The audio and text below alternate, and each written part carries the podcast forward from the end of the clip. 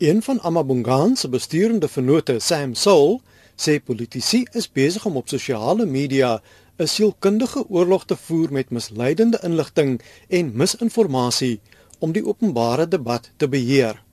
Afgevaardigdes het gehoor rekenaarbotte, ook genoem bots, marionetnetwerke en sosiale media se algoritmes word in hierdie oorlog ingespan. Amabongan is een van die Suid-Afrikaanse media-instellings wat die teiken van sulke aanvalle was weens die ontbloting van die beweerde verhouding tussen die Guptas en president Jacob Zuma. Saul sê joernaliste moet terugveg om demokrasie te beskerm. We have to be able to use the same kind of weapons back. Use memes, use humor, use sarcasm, use personality in ways that um, some of us are maybe not used to.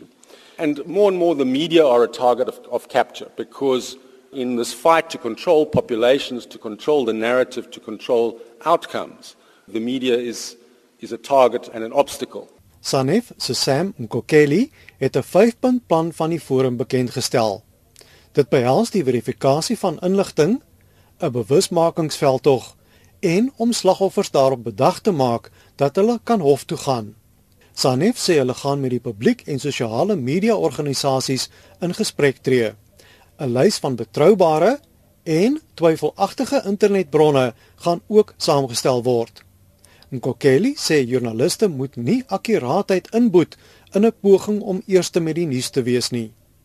Hy sê misleidende inligting lei die aandag af van die werklike uitdagings wat die land in die gesig staar. These things do matter because as journalists these are the debates we need to be having about the South Africa we are, the South Africa we used to be and the South Africa we want to be.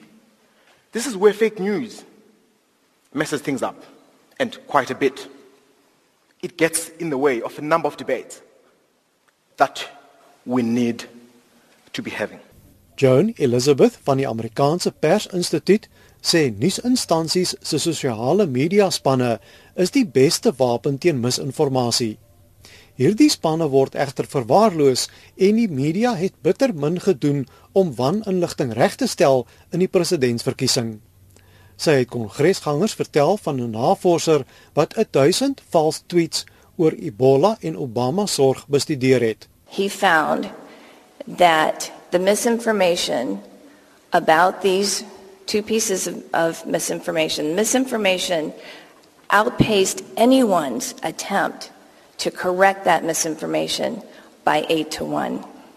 Someone said earlier the truth isn't loud enough.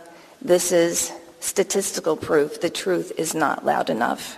Clay Wardle van die maatskappy First Draft wat feite nagaan, sê die term fake news op sigself is misleidend.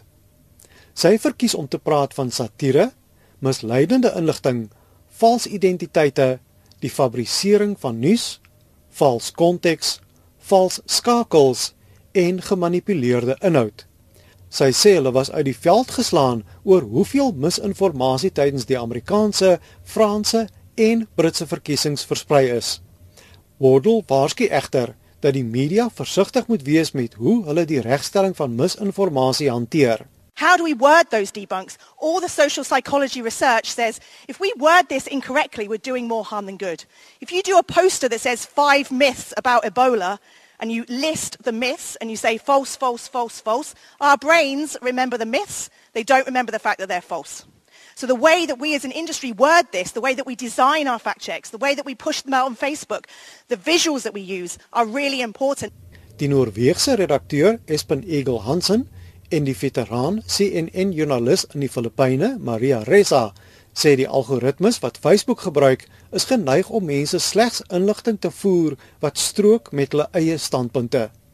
Hansen sê sy koerant, die Aftenposten, werk aan 'n algoritme wat geskoei is op journalistieke beginsels om mense aan 'n verskeidenheid sienings bloot te stel.